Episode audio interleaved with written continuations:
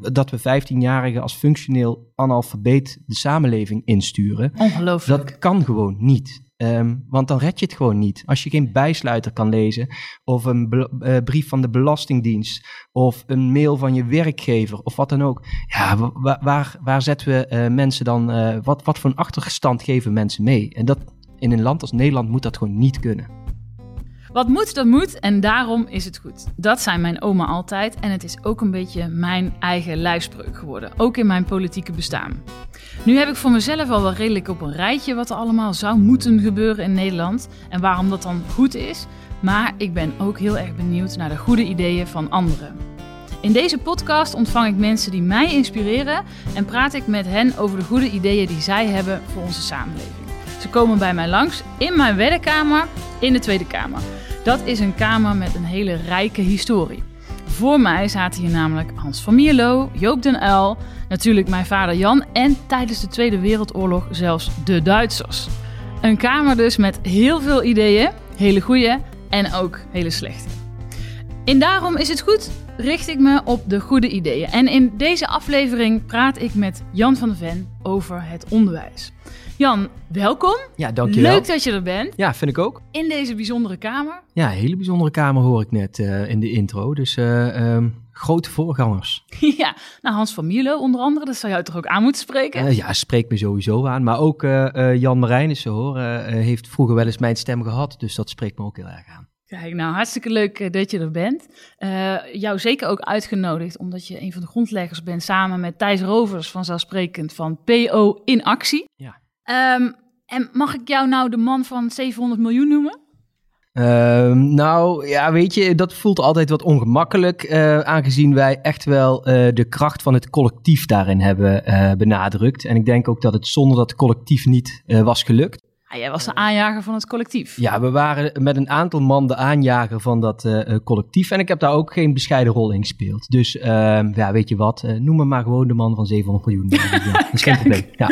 Hartstikke goed. Ja, jullie zijn eh, met PO in actie eigenlijk jullie eigen vakbond begonnen. Eh, er gebeurde te weinig en jullie besloten als ja, onderwijzers. Mag je dat eigenlijk nog zo zeggen, onderwijs? Ik vind het zo'n mooi woord, maar je hoort het eigenlijk Ja, niet meer. ik vind het zelf ook nog steeds een mooi woord. Ehm, eh, leraar, eh, leerkracht, onderwijzer. Docent. ehm, docent, die vind ik in ieder geval allemaal mooier dan eh, juf ehm, of meester. Alhoewel ik me ook wel eh, gewoon meester laat noemen. Hoor. Dus, eh, we- en juf trouwens regelmatig ook. Ook, ja. Ehm, dus ehm, ik oh ja, alles goed. hoe, hoe, hoe werkt dat dan? Ja, weet je, in het primair onderwijs zijn meesters nogal zeldzaam. En dan krijg je vaak het geval dat iemand zes of zeven jaar bij een juf in de klas zat. En dan op een gegeven moment bij de meester komt. En dan is dat juf zo Juf ingebakken. Jan. Dan is het gewoon juf, juf Jan of juf... Ja, en dan, eh, ja. eh, Of mama komt ook nog wel eens voor. Ach, kijk. dat is vaak een goed teken, want dan voelen ze zich lekker op hun plek. Ja, mooi, mooi, mooi. Hey, eh, PO in actie. Ja. Ehm, nou, noemde net al even 700 miljoen. indrukwekkend resultaat. Wat minstens zo indrukwekkend is, is natuurlijk de beweging die jullie hebben georganiseerd. Ja. In het onderwijs. Wat is nou de kracht van PO in actie? Ehm, ja, de kracht van PO in actie ehm, zit hem wat ons betreft in het grassroots principe. Namelijk dat het leraren waren die ehm, het lont in het eh, kruidvat staken. Ehm, en dat het leraren, waken die, eh, leraren waren die daarop doorpakten en gingen mobiliseren. Dat het leraren waren die de problematiek van het lerarentekort gekoppeld aan werkdruk en eh, salaris ehm, op de ehm, onderwijsagenda kregen, op de politieke agenda kregen en uiteindelijk ook op de maatschappelijke agenda kregen. Ehm, en dat het uiteindelijk ook de leraren zelf waren ehm, die via PO in actie, en ehm, ja, ik mocht daar een mooie rol in spelen, die 700 miljoen ook op, zijn, op de goede plek hebben laten landen. Maar hoe, hoe komt het nou dat dat jullie wel lukt Ja, en de traditionele vakbonden niet? Want dat is toch wel een van de Ja. grotere vragen, denk ik, van deze tijd. ja, ik, ja, ik denk dat dat. ehm, kijk, als je gaat kijken naar de ontstaansgeschiedenis. we- Het is nu eh, ehm, 17 februari als we dit opnemen. Eh, drie jaar geleden ehm, startte PO in actie eigenlijk zo'n beetje. Op 27 februari 2017 opende Paul eh, eh, de Brouwer die Facebookgroep. Naar aanleiding van een aantal opinieartikelen, eh, waaronder die van mij en eentje van Thijs Rovers, over die salariskloof. En toen bleek dat het eh, eh, behoorlijk diep zat binnen onze beroepsgroep. Dat er ook best wel binnen de beroepsgroep zelf ook nog wat onduidelijkheid over was. Ehm, en eigenlijk de uh, grootste uh, brandstof voor PO en actie om in korte tijd heel groot te, worden, was ook gewoon de uh, onrust, maar ook de ontevredenheid richting um, ja, de latente houding van vakbonden op dat moment. de vakbonden hebben die salariskloof en die werkdruk maar heel matig of gewoon niet geag geagendeerd en geadresseerd. En dat lukte met PO actie heel goed. Dus het was voor ons ook in die eerste fase een brandstof om ons redelijk ook af te zetten tegen die uh, vakbonden. Niet alleen om te groeien, maar ook gewoon puur op de inhoud. Um, en uiteindelijk hebben we gewoon een uitstekende samenwerking gehad ook met de vakbonden. En herkennen we en erkennen we ook de kracht van die vakbonden. Met name van de AOB binnen het onderwijs.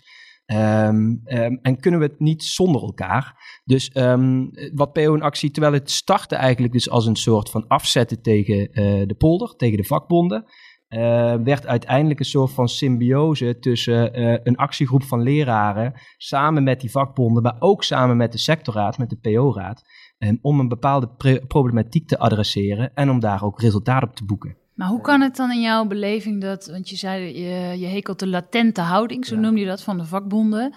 Uh, hoe kan dat, denk jij, dat zij dit punt zo ontzettend gemist hebben? Ja, daar hebben we in de beginfase best ook wel wat over gesproken, ook, ook met hen zelf.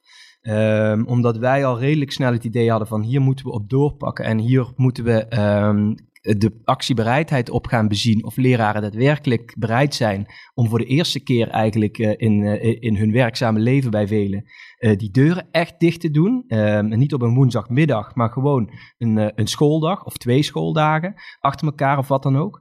en wat we toen terug kregen van de vakbonden was van dat leraren daar, uh, en vooral in het primair onderwijs, dat er geen actiebereidheid was. En dat ze daarom nooit die stap hadden gemaakt.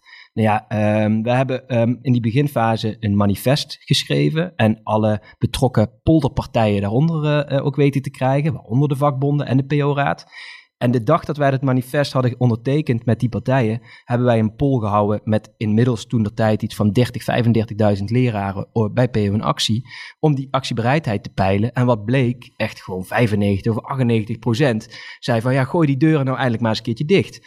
Dus um, ja, het is een complete misvatting geweest uh, van, uh, um, van, van, die, uh, van de polder. En ik denk ook wel dat dat komt omdat de brug tussen um, het klaslokaal en die vakbonden niet geslagen is. En dat het gat tussen het mooie kantoor in Utrecht, of dat nou CMV of AOB of de FVOV was, en de klaslokalen in het land, dat die gewoon, die kloof was veel te groot geworden. En is de kracht ook niet geweest dat uh, zowel jij als Thijs, Paul, de grondleggers van PO in actie, zelf ook gewoon, als ik dat maar even zo mag noemen, voor de klas staan? Ja, wel zeker. Want kijk, um, wat ik net al zei, dat die kloof wat te groot was geworden tussen vakbonden en dat klaslokaal. Um, ja, daar hebben wij natuurlijk als PO in actie nooit last van gehad. Nee. Omdat wij altijd zelf ook gewoon met de voeten in de klei hebben gestaan. En tijdens PO in actie uh, zelf ook stonden. Uh, sterker nog, we hebben de, zelfs de CAO-onderhandelingen gecombineerd met onze lesgevende taken voor, voor de groep. Um, ja, en dat doet zeker wat, want um, Mensen hebben het idee um, dat ze een collega horen praten in plaats van een beroepsbestuurder die heel ver van de praktijk afstaat. En ik denk dat dat zeker een, uh, uh, een belangrijke succesfactor is. Ja. Nou is het zo, jij bent nu dus leraar, maar het is misschien wel leuk voor de luisteraars om te vertellen, wij kennen elkaar eigenlijk van wat anders, namelijk de opleiding politicologie. Yes, ja. Die jij ook nog hebt gedaan. Ja. Maar uiteindelijk ervoor gekozen om voor het leraarvak te gaan. Ja. Waarom? Ja, Lilian.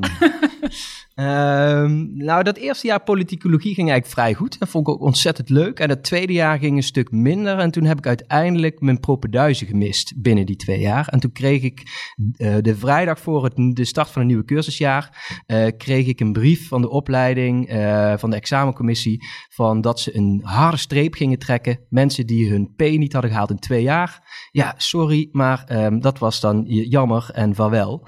Um, tot die tijd was het zo dat dat die grens niet zo heel hard was. En mensen gewoon ook in hun derde jaar nog die P konden, uh, konden afmaken, die propenduizen. Uh, maar ja, bij mij was het dus even anders. Ik werd dus heel eventjes helemaal weer gereset. En ik denk, chips, wat moet ik nou gaan doen? En toen heb ik gedacht van, nou, wat wat zou ik leuk vinden om te doen? En ehm, ehm, ja, de kans dat ik dat ook daadwerkelijk af ga maken is ook uh, redelijk, redelijk groot. Toen kwam ik bij de PABO uit.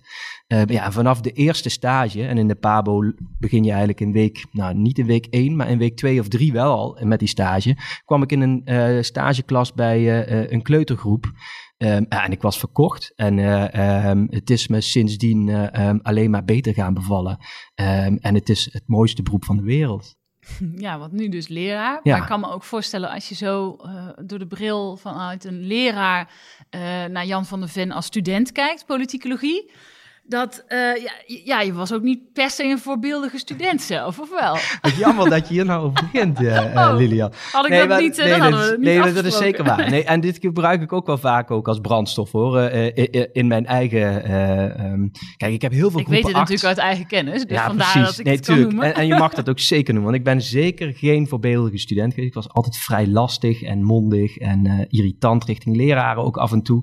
Ik meen dat we nog wel eens voor een bepaalde commissie hebben moeten verschijnen. Ja, precies. Wij... we hadden samen een ja. werkstuk gemaakt, uh, wat uiteindelijk niet de bedoeling was om dat samen te doen. Hè. Toen werden we nog van plagiaat beschuldigd. Ja. Eén van ons had plagiaat. Dus dat, dat had nog wat voeten in aarde om goed uit te leggen ja. dat we um, uiteindelijk um, hier gewoon een samenwerking in op hadden gezet. Was trouwens een goed stuk, vond ik. Vond ik ook wel. Ja, goed stuk. Precies. Um, maar um, ja, weet je, ik heb ook zeven jaar over mijn VWO gedaan. Uh, ik ben een ontzettend uh, slechte scholier en uh, student Helpt geweest. je dat nu in je vak? Die ervaring zelf? Ja, dat gebruik ik zeker. Um, ook richting kinderen. Want ik heb dus heel veel groep 8 leerlingen in de afgelopen elf jaar in mijn klas gehad. Om ze ook uiteindelijk voor te lichten over het VO. Van hoe zit, zit dat in elkaar? Maar ook te verwijzen naar het VO. Um, en dan uiteindelijk krijg je altijd het gesprek van ja, het VO duurt vier jaar, vijf jaar of zes jaar. Uh, maar er zijn dus ook mensen die er zeven jaar over gedaan hebben. Uh, en dan krijg ik altijd de vraag in de blikken van uh, hoe kan het dan meester? En ja, als ik dan uitleg dat ik niet zo'n hele grote huiswerkmaker was, dan zie je bij een aantal kinderen toch vaak ook wel het, het, de rust van oh oké, dus het hoeft niet allemaal altijd even perfect. En um, er zijn meer wegen die naar Rome leiden. Um, en bij mij is die weg een flinke kronkelweg geweest. Um, maar ja, voorbeeldige student was ik niet en ik denk ook niet dat ik dat ooit zal worden, Lilian. Nee. ben ik er eigenwijs voor. Ja, precies. Ja, ja, ja. Even misschien terug naar het onderwijs. Uh, PO in actie, uh, enorme beweging georganiseerd. Uh, ook al flink wat resultaten geboekt. Mm -hmm. Maar toch, vorige week, of te, ja, recent in ieder geval, was ik zelf nog in Rotterdam. Ja. Daar was ook weer een grote hele grote, viel me toch echt weer op, actie van ja, het zeker. onderwijs. Ja. Tweedaagse staking, toch mm -hmm. weer. Uh, wat is er nu nog nodig? Ja, ik denk dat uh, um, er drie thema's zijn binnen het onderwijs. En dan met name het funderend onderwijs. Um, die Wat is funderend onderwijs? Het funderend onderwijs is primair onderwijs en het voortgezet onderwijs. Dat noemen we samen het funderend onderwijs. En er zijn drie thema's daarin die denk ik het aller, allerbelangrijkste zijn voor nu. Uh, dus voor vandaag, uh, voor volgende maand. Maar ik denk eerlijk gezegd ook voor de volgende regeerperiode. En dat is het lerarentekort, gewoon met stip op één. En wat daar ook aan vasthangt, want ze staan echt niet los van elkaar, um, is daarnaast kansengelijkheid um, en um, de onderwijskwaliteit. En die drie uh, zaken die staan zo nauw met elkaar in verband. Dat ik denk eigenlijk ook dat in dit huis, hè, um, we zitten nu in jouw kamer, Tweede Kamer is hier niet ver vanaf.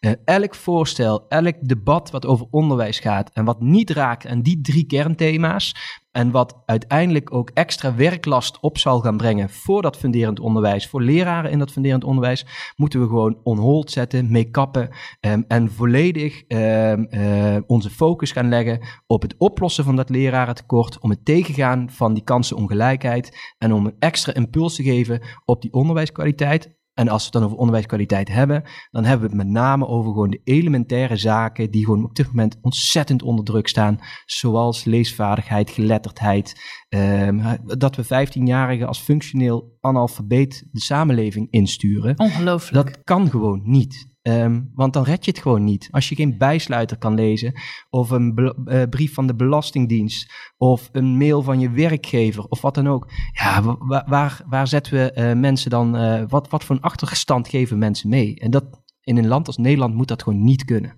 Je noemt ook kansengelijkheid. Um, wat ik ook graag aan je voor zou willen leggen, is waar ik zelf, naast de dingen die jij terecht noemt, ook heel veel zorgen om heb, is de opkomst van zeg maar de privéschool. Ja. Zeker. Dus dat je ziet, uh, laatst had ik ook weer een hele zaal vol met mensen uit het onderwijs om te praten over wat hen bezighoudt. En ik, ik wist het wel, want ik hoor ook de spotjes op de radio en ik zie ook de advertenties in de kranten. Dat ik al denk, huh? Uh, maar ik schrok toch weer van de mate waarin zij ook aangaven de opkomst van privéscholen en inderdaad kinderen die nou ja, het geluk hebben dat ze ouders hebben met een goed gevulde portemonnee. Ja. Die nog naar het onderwijs kunnen met de kleine klassen en de aandacht die ze nodig hebben. Mhm.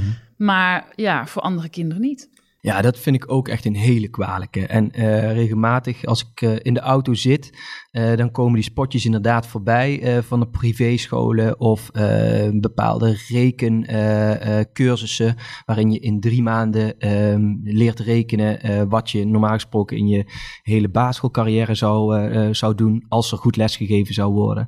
Um, ja, en dat stuit mij ook enorm tegen de borst. En um, dat is eigenlijk alleen maar te verhelpen, tenminste dat denk ik, want het is niet haalbaar om dat soort dingen um, te gaan verbieden. Het is ook niet haalbaar om dat soort uh, dingen uh, toegankelijk te maken voor iedereen. Dus waar je dan naar moet gaan streven, denk ik, is um, dat, dat basisarrangement waar je als staat voor verantwoordelijk bent. En dat vind ik af en toe wel een, een een dingetje. Hè. Grondwettelijk gezien is gewoon uh, uh, het kabinet, de Tweede Kamer, jullie hier in Den Haag, de politiek, die is verantwoordelijk voor um, de deugdelijkheid van het onderwijs. En die deugdelijkheid, grondwettelijk is die vastgelegd, maar die staat enorm onder druk. Um, en de enige die daar recht over kan spreken in Nederland, dat zijn jullie zelf. Um, want het staat in de grondwet en dat is nou eenmaal zo geregeld in Nederland. maar op dit moment is die deugdelijkheid, die is er gewoon niet niet voor iedereen.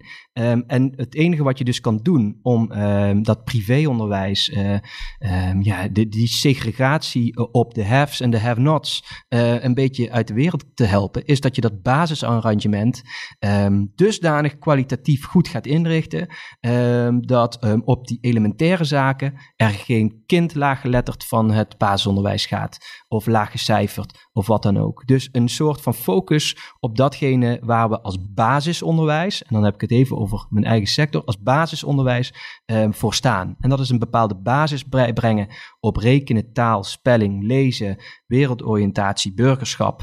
Um, en dat ook nog eens in een fijne setting kunnen doen. Ja, dan denk ik dat we een heel eind zijn. Um, maar dat houdt dus ook in dat je af en toe als sector uh, nee moet kunnen zeggen. En dat iedereen om die sector heen uh, een beetje terughoudend moet zijn met datgene uh, op het bordje te leggen van het onderwijs, wat nu vaak gebeurt. Ja, jij kan dat waarschijnlijk nog veel beter inschatten dan ik als leraar. Maar de opkomst van het privéonderwijs, wat um, stel, want we zitten met ja. een onwijs lerarentekort. Uh, stel, we, we slagen er niet in, om maar even zo te zeggen, hè? om dat te, af te remmen. Mhm. Mm. Laat ik het dat maar even zeggen. Wat betekent dat dan überhaupt voor het onderwijs? En voor de, de, ja, dat de er kinderen een van onze samenleving. enorme uh, tweedeling uh, uh, zal komen. En dat is eigenlijk ook niet iets wat een soort van, ehm, ja, hoe moet ik dat zeggen, zwaard van Damocles is wat boven de maatschappij hangt. Dat zwaard van Damocles is al lang neergekomen. En die tweedeling, die is gewoon de realiteit van alle dag. Um, omdat zo'n lerarentekort wat te maken heeft met de uh, kwaliteit van onderwijs. Bijvoorbeeld in, uh, uh, in een stad als Amsterdam. Um, op de moeilijke scholen in Amsterdam. Want het is ook niet zo dat het in Amsterdam overal kommer en kwel is. Er zit een enorme scheefdeling uh, uh, een tweedeling binnen Amsterdam.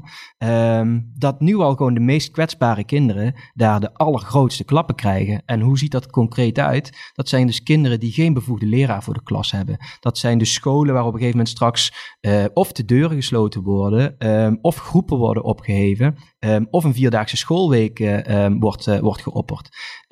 dat is niet op de rijke scholen met de, de, de juppen in Amsterdam, waar ouderbijdragers van 1000 euro per jaar worden betaald. Maar dat is wel op die scholen die een zeer uitdagende doelgroep hebben.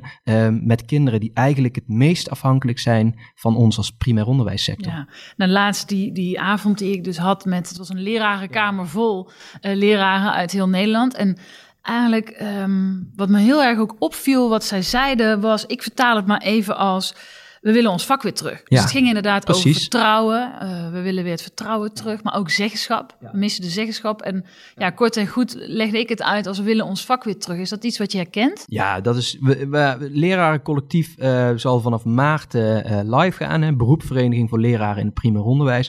Ehm, zijn we een jaar geleden mee gestart. En onze slogan was ook: eh, eh, leraar durft te claimen. Eh, want daar draait het uiteindelijk om.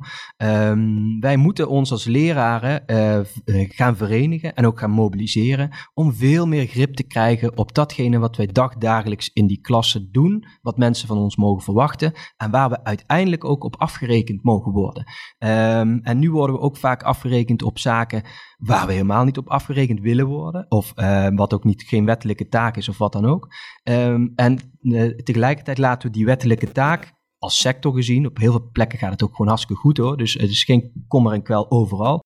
Maar eh, als sector gezien laten we die wettelijke taak juist ook enigszins versloffen. Als je kijkt dat eh, de leesresultaten, de rekenresultaten, ehm, gewoon de harde eh, opbrengsten, de inhouden, de eh, kwalificatiecijfers, dat die gewoon onder druk staan.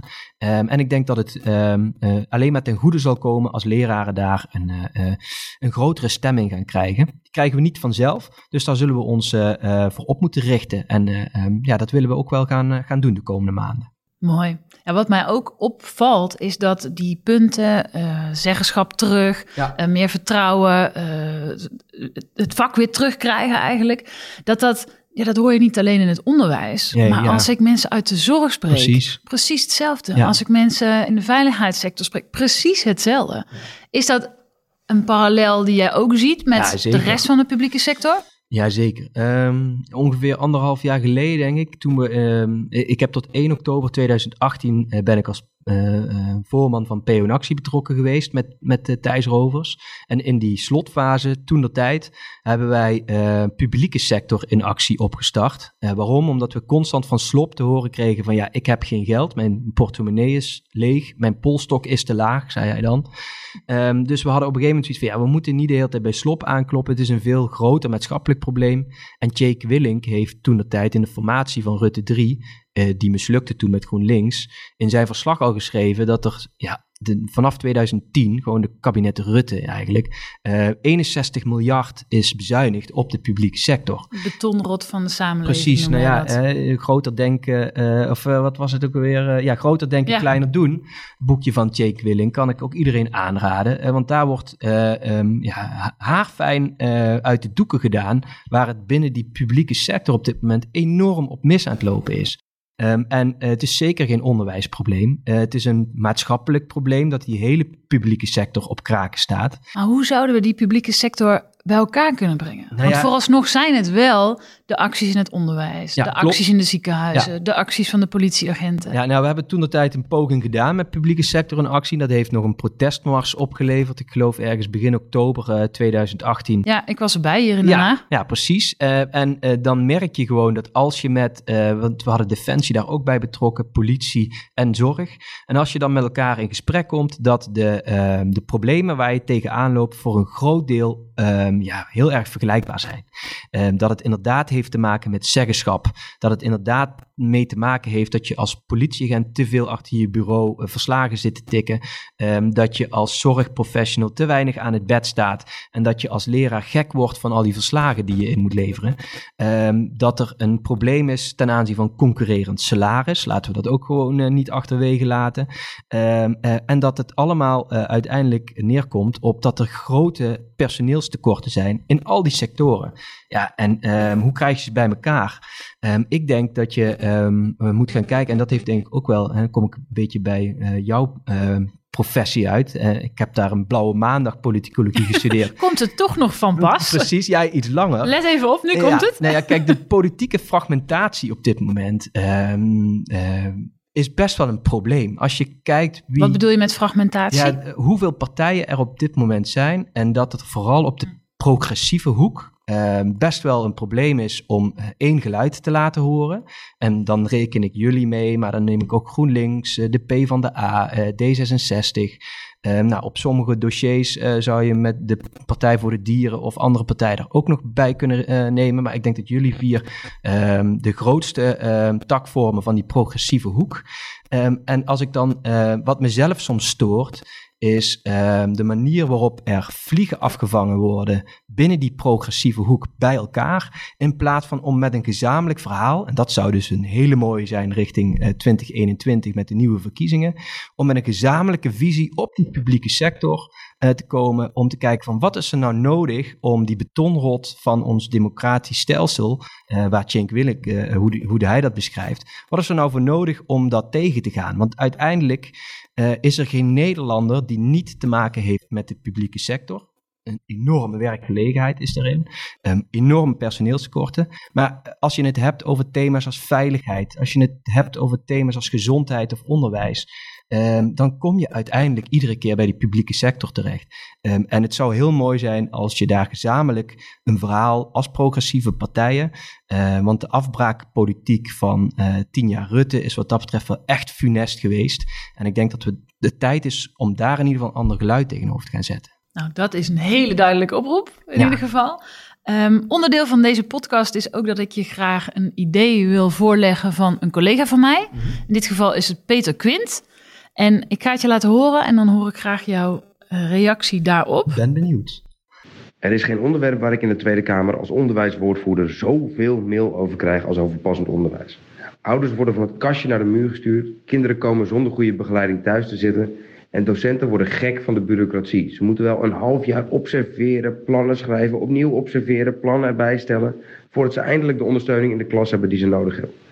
Alle beloften bij de invoering van de wet passend onderwijs zijn gebroken. De SP is een enquête gestart om van ouders, docenten, begeleiders, thuiszitters te horen hoe zij vijf jaar passend onderwijs ervaren. En belangrijker, hoe dit systeem beter kan.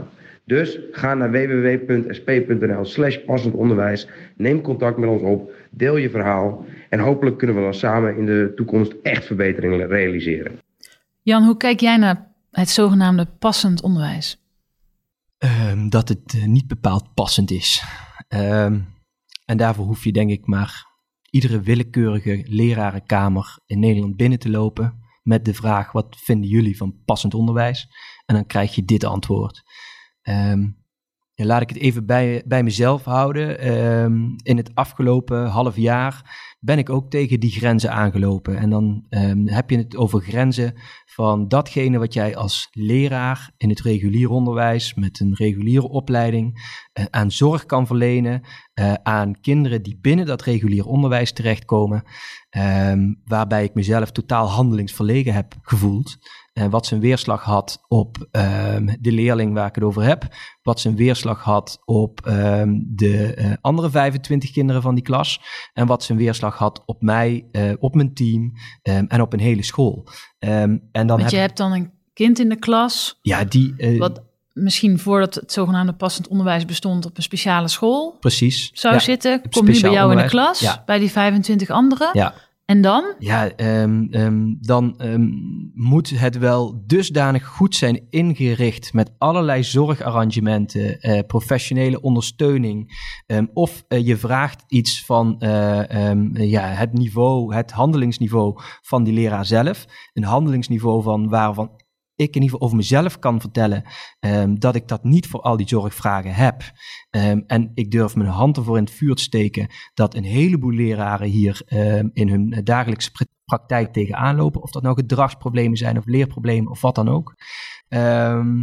dat, het, ja, dat je op een punt komt waarbij je uiteindelijk met elkaar gaat nadenken als leraar, maar ook als ouders van zo'n kind hoor. Um, want ik ontzettend goede contacten mee gehouden en, uh, en gehad in het afgelopen half jaar daar ook. Uh, van hoe kunnen we het passend maken? Krijgen we het überhaupt nog wel passend? En wie is hier nou uiteindelijk ook weer mee geholpen? Um, ja, ja, wie wordt er beter van? Ja, uiteindelijk. Precies. Nou ja, kijk, passend onderwijs had als uh, doel om um, thuiszitters, um, het aantal thuiszitters omlaag te halen. Dat is niet gelukt. En dat is absoluut niet gelukt. Dus je kan na vijf jaar passend onderwijs, kun je wel stellen gewoon dat het een mislukte exercitie is geweest. Ehm, en ik heb uh, ook regelmatig contact gehad bijvoorbeeld met ouders en onderwijs, de voorzitter van, uh, van die club, uh, in de opbouwfase naar dat lerarencollectief. En zij zegt ook van de 100 telefoontjes die wij dagelijks binnenkrijgen op kantoor, gaan er 95 of 98 over passend onderwijs. ja, dat neemt een enorme ehm, ja, stress met zich mee. Um, waar, um, en ik, ik benader het nu vanuit het oogpunt van de leraar.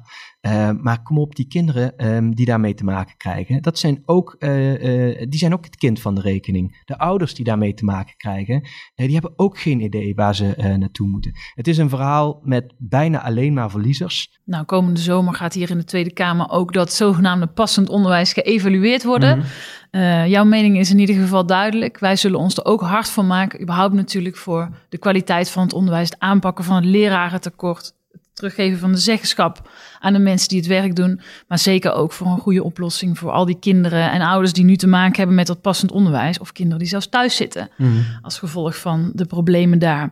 Jan, mag ik jou ontzettend bedanken.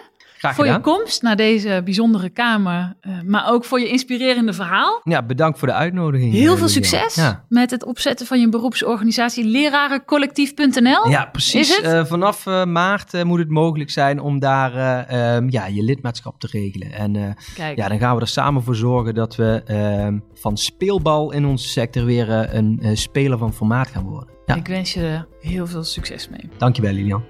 Dit was Daarom is het goed, de podcast waarin ik van mensen die mij inspireren hoor welke goede ideeën zij hebben voor de toekomst. Wil je nou niks missen? Abonneer je dan via Apple Podcast of Spotify. Tot de volgende.